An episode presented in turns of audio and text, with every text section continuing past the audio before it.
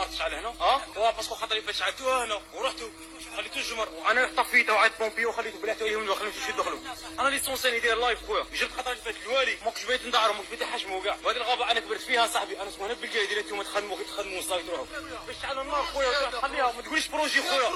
رانا كابرين هنا صاحبي. تهضرش معايا كيما ما تقوليش بروجي. النار ما تشعلش هنا صاحبي.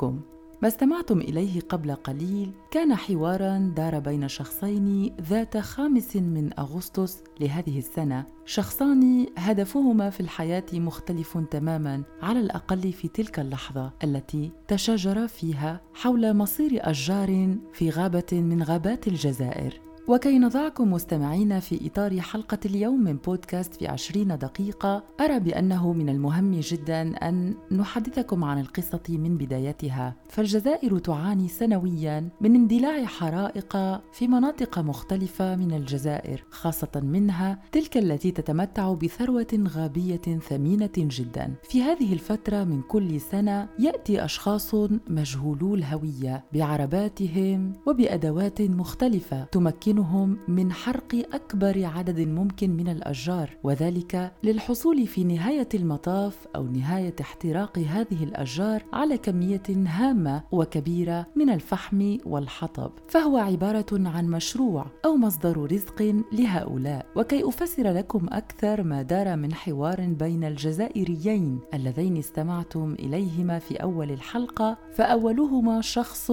يستشيط غضبا بسبب هذه الممارسات التي وصفها الثاني بأنها مصدر رزقه. الأول قال بأنها غابة كبر فيها ولن يسمح له بإشعال النيران ووضع حد لحياة هذه الأشجار وحياة الغابة بالتالي. أما الثاني فرد عليه قائلا هذا مشروعي وأصر على فكرته. الجزائر تحترق سنويا بسبب هؤلاء الأشخاص الذين اتخذوا من الغابات مصدر رزق وكأنه حق مكتسب يشعلون النيران سنويا خلال هذه الفترة ويجمعون ما أمكن لهم جمعه من حطب وفحم كما قلنا. في الفترة الأخيرة قرر الرئيس الجزائري عبد المجيد تبون أن يجري تحقيقات على قدم وساق وذلك لكشف هؤلاء الأشخاص ومقاضاتهم إن لزم الأمر ووضع حد لهذه الممارسات العنيفة ضد الثروة الغابيه الجزائرية. وأما المواطن الجزائري العادي فلم يجد ملاذا أو حلا إلا من خلال جهاز هاتفه الذي يمكنه من تصوير هذه الممارسات وكشف هؤلاء الأشخاص على وسائل التواصل الاجتماعي وخلق حملات افتراضية لإيصال صورة أوضح للمسؤولين في الجزائر حتى يتخذوا الإجراءات اللازمة.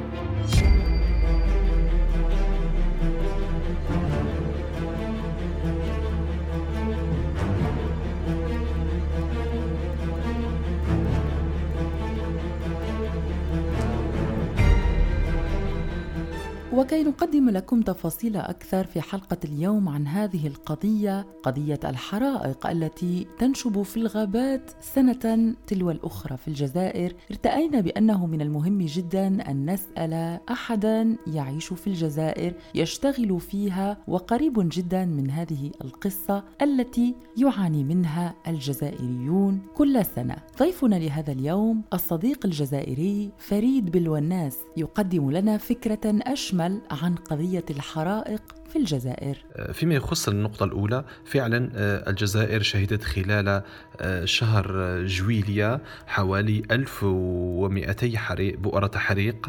هذا حسب ما كشفته مصالح الحماية المدنية. هذه الحرائق التهمت حوالي 9000 هكتار. يعني هذا رقم رهيب جدا وكبير. هو فعلا آه، كل سنة تشهد الجزائر في صيف هذه الحرائق. لكن هذه السنة ممكن كان العدد مرتفع قليلا. هذا ما جعل الرئيس آه، عبد المجيد تبون يأمر بفتح آه، تحقيق. خلال التحقيق كش... الذي كشف عنه الوزير الأول جراد الذي كلف خلية بمتابعة تطورات هذه الحرائق كشف عن إلقاء القبض في ولاية باتنا شرق الجزائر على أشخاص يحرقون الغابات عمدا. كما وعد بنشر اعترافاتهم قريبا لكن لحد الآن لم يتم نشر هذا الاعتراف. آه، كما أضاف أن آه، تسجيل أربعة إلى خمسة حرائق في الوقت نفسه وفي المكان نفسه أدى إلى الشكوك أن هناك من يحاول خلق الفتنة آه، وعدم الاستقرار. لكن في نظري أعتقد أن لا توجد مؤامرة. بقدر ما هي آه، ممكن فيه بعض الأشخاص يستغلون آه، فترة عيد الأضحى آه، لحرق الغابات من أجل بيع الفحم وهذا يجرم عليه القانون الجزائري. أما فيما يخص محاولة الزعزعة فلا أعتقد. ويوجد سبب أيضا آه، هو ارتفاع درجة الحرارة في الجزائر خلال شهر آه، جويليا وشهر أوت. هناك بعض العلماء يرجعون هذه الحرائق إلى ارتفاع درجة الحرارة كما يسمى آه، الصمائم.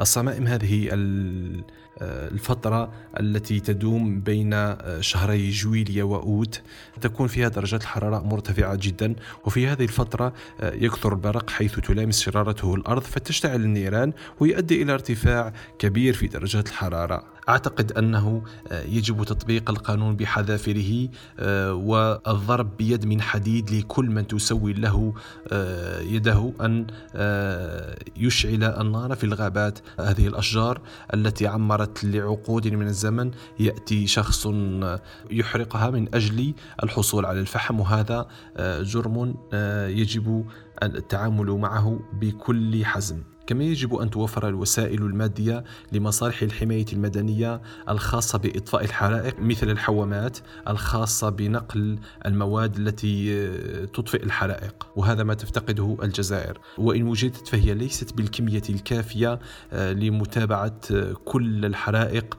على مستوى غابات في الجزائر.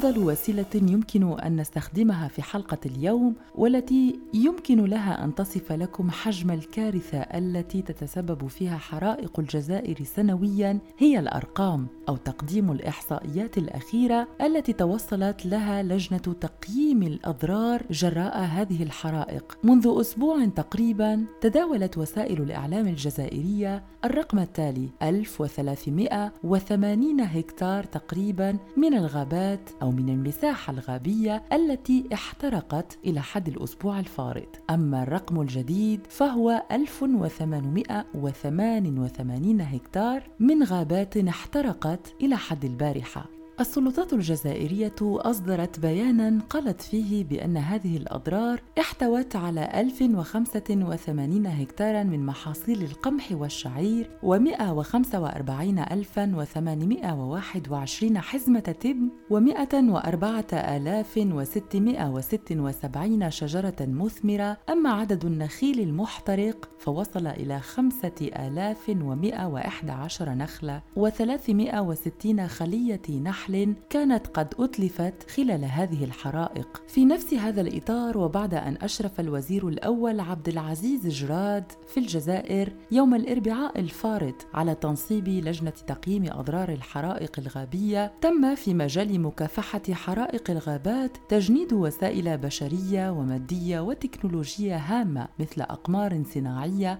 ومروحيات وأجهزة اتصال إذاعي لكشف هذه العصابات التي من فكت تحرق هذه المساحات الغابية الغنية بالموارد الفلاحية.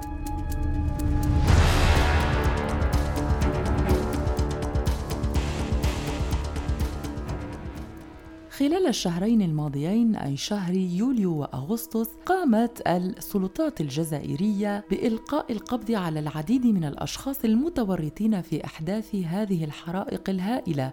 والتي مست مساحات شاسعة من الثروة الغابية الجزائرية فمتوسط عدد الحرائق أو حوادث الحرائق يوميا يقدر بالعشرين. وهذا حسب ما جاء على لسان وزير الداخلية الجزائري كمال بالجود الذي كشف وبالأسماء عن تورط مجموعة كبيرة من الأشخاص في هذه الحرائق. وقال بأنها عصابات منظمة لن تتوانى الدولة الجزائرية عن وضع حد لممارساتها. السلطات الجزائرية لم تكتفي فقط بإلقاء القبض على هؤلاء ولكنها مرت للمرحلة التحسيسية فقد انطلقت حملة تحسيسية للوقاية من حرائق الغابات وذلك برعاية الحماية المدنية الجزائرية مست أربعين قرية بولاية تيزي ويزو مثلا. وقال المكلف بالاتصال بالحماية المدنية النقيب كمال بوشاكور بأن هذه الحملة هي الثانية من نوعها خلال شهر تموز الفارط. مست 28 بلدية كانت معرضة بشكل كبير لاندلاع حرائق غابية من أجل تحسيس السكان بضرورة إزالة الأعشاب الزائدة والطفيلية التي يمكن أن تضر بوجود هذه الأشجار المثمرة وغيرها. كما أوضح السيد كمال بوشاكور أنه خلال الحرائق التي سجلت مؤخرا بالولاية لوحظ بأن الإجراءات لم يتم احترامها كليا من المواطنين مما جعل السلطات تتخذ قرار إطلاق حملات تحسيسية جديدة في هذا الشأن. ليس فقط بولاية تيزي ويزو ولكن بكل الولايات الجزائرية التي مسها ضر الحرائق.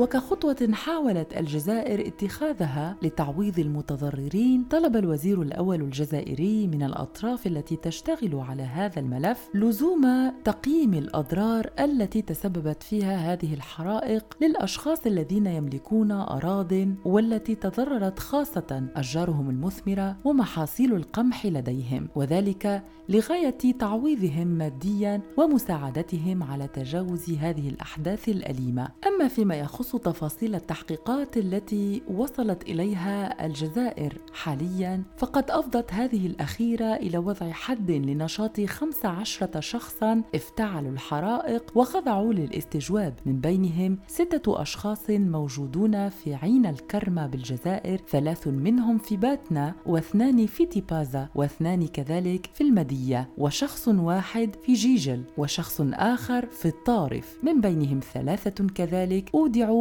بالسجن وثلاثة آخرون وضعوا تحت الرقابة القضائية.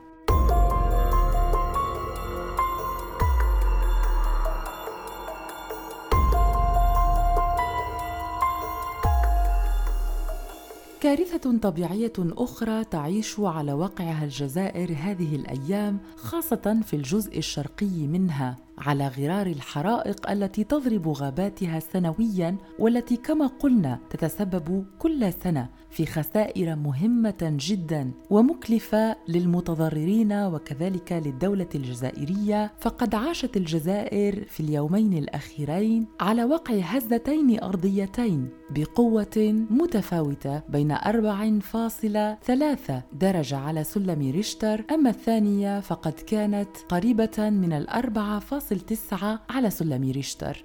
أه، شهدت ولاية ميلا شرق الجزائر أه، يوم السبت الماضي الثامن من أوت. أه، هزتين أرضيتين الأولى بشدة 4.9 والثانية بشدة 4.5 منتصف النهار.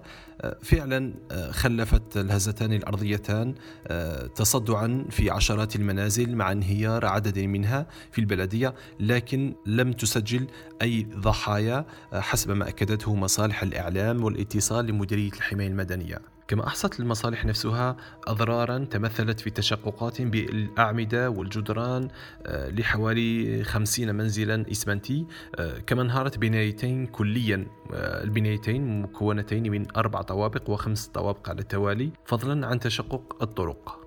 هذه الأزمة الأرضية لم تكن هي الأولى في هذه الولاية التي شهدت قبل حوالي شهر هزتين أرضيتين لكن لم تكن بنفس الشدة التي ضربت هذه المرة. المعروف عن هذه الولاية التي بها سد بني هارون وسد بني هارون هو أكبر سد في الجزائر. هناك تخوف للسكان المجاورون للسد من تشققات أو من انفلات المياه. لكن الوزير الأول وزير الموارد المائية في الجزائر طمأن المواطنون وقالوا أن السد هو في حالة جيدة والمياه لم يتم خفضها. ومباشرة بعد الهزتين الأرضيتين التي سجلتهما آه، ولاية ميلا انتقل وفد وزاري للمنطقة من أجل إحصاء والوقوف على الأضرار وطمأنة المواطنين. آه، فوعد وزير الداخلية بإسكان كل السكان المتضررين من هذه الهزات الأرضية. آه، ووعد أيضا بأنه سيتم إيواءهم بالخيم وعديد المرافق الشبانية في الفترة الحالية إلى أن يتم تسوية ملفهم لاحقا. كما وعد أيضا الوزير الأول بتوفير سكنات لائقة لكل المتضررين.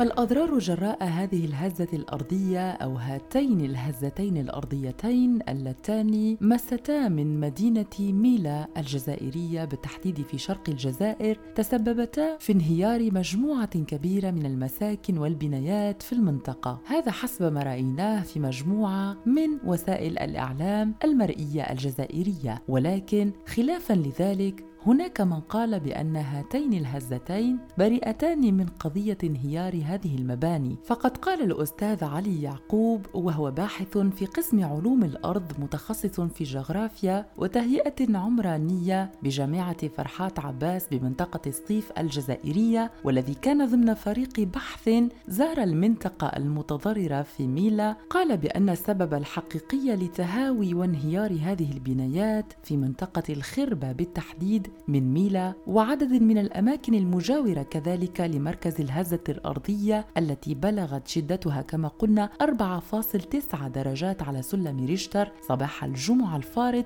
يعود لحركة سطح التربة التي شيدت عليها تلك البنايات. فهي منطقة غير صالحة للبناء بالمرة بحكم أنها غير مستقرة تماما وتميزها الانهيارات الترابية والانزلاقات والهزات الأرضية وهذا شيء معروف في المنطقة أي أن الأشخاص الذين أقدموا على بناء هذه البنايات والمساكن في منطقة مماثلة هم أشخاص لديهم فكرة مسبقة عن المصير الذي ينتظر هذه البنايات والمساكن بعد هزة أرضية خفيفة جدا. وأضاف الأستاذ يعقوب قائلا بأنه هو وفريقه قد زارا عدة محطات تم فيها قياس أبعاد التشققات الأرضية الناجمة عن هذه الهزة وقاموا كذلك بمعاينة نوعية التربة التي قامت عليها هذه المساكن وذلك بداية من المكان المسمى راس البير نزولا إلى الطريق الوطني 79 مرورا بحي الخربة الأعلى والأسفل. وذكر بأن السكان المتضررين المتضررين وكذلك شهود عيان أكدوا وقالوا بأن هذه التشققات والتصدعات الأرضية التي مست المساكن المتضررة لم تحدث أثناء الهزة الأرضية ولكنها وقعت بعد مرور قرابة الساعتين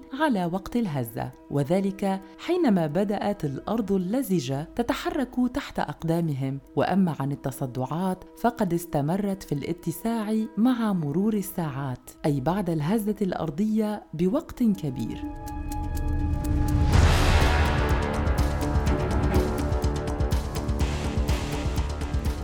اليوم ضرب الزلزلة في ميلا كانت نف راكم تشوفوا هذه واش اللي صرا هذه في في الخربة راس البير. شوف بسم الله الرحمن الرحيم. هذه الدار كانت 5 ايطاج الله يخلف لها مولاها. 5 ايطاج كانت هذه شهادة مقتضبة وقصيرة لإحدى المواطنين الجزائريين الذين انتقلوا على عين المكان بمنطقة الخربة كما قال هو لمعاينة الأضرار التي حصلت في هذه المنطقة. فقال بأن هذه الهزة الأرضية تسببت في انهيار مبان أحدها مبن على خمس طوابق. خمس طوابق كاملة انهارت بسبب هذه الهزة الأرضية. الجزائر تعيش حاليا فترة صعبة جدا فالحرائق من ناحية وألسنة نيرانها تلتهم الغابات الجزائرية ومن ناحية أخرى نجد الزلازل أو الهزات الأرضية والكوارث الطبيعية الخارجة على نطاق الإنسان ولكن هي الأخرى تهدد حياته في الجزائر. ومن ناحية ثالثة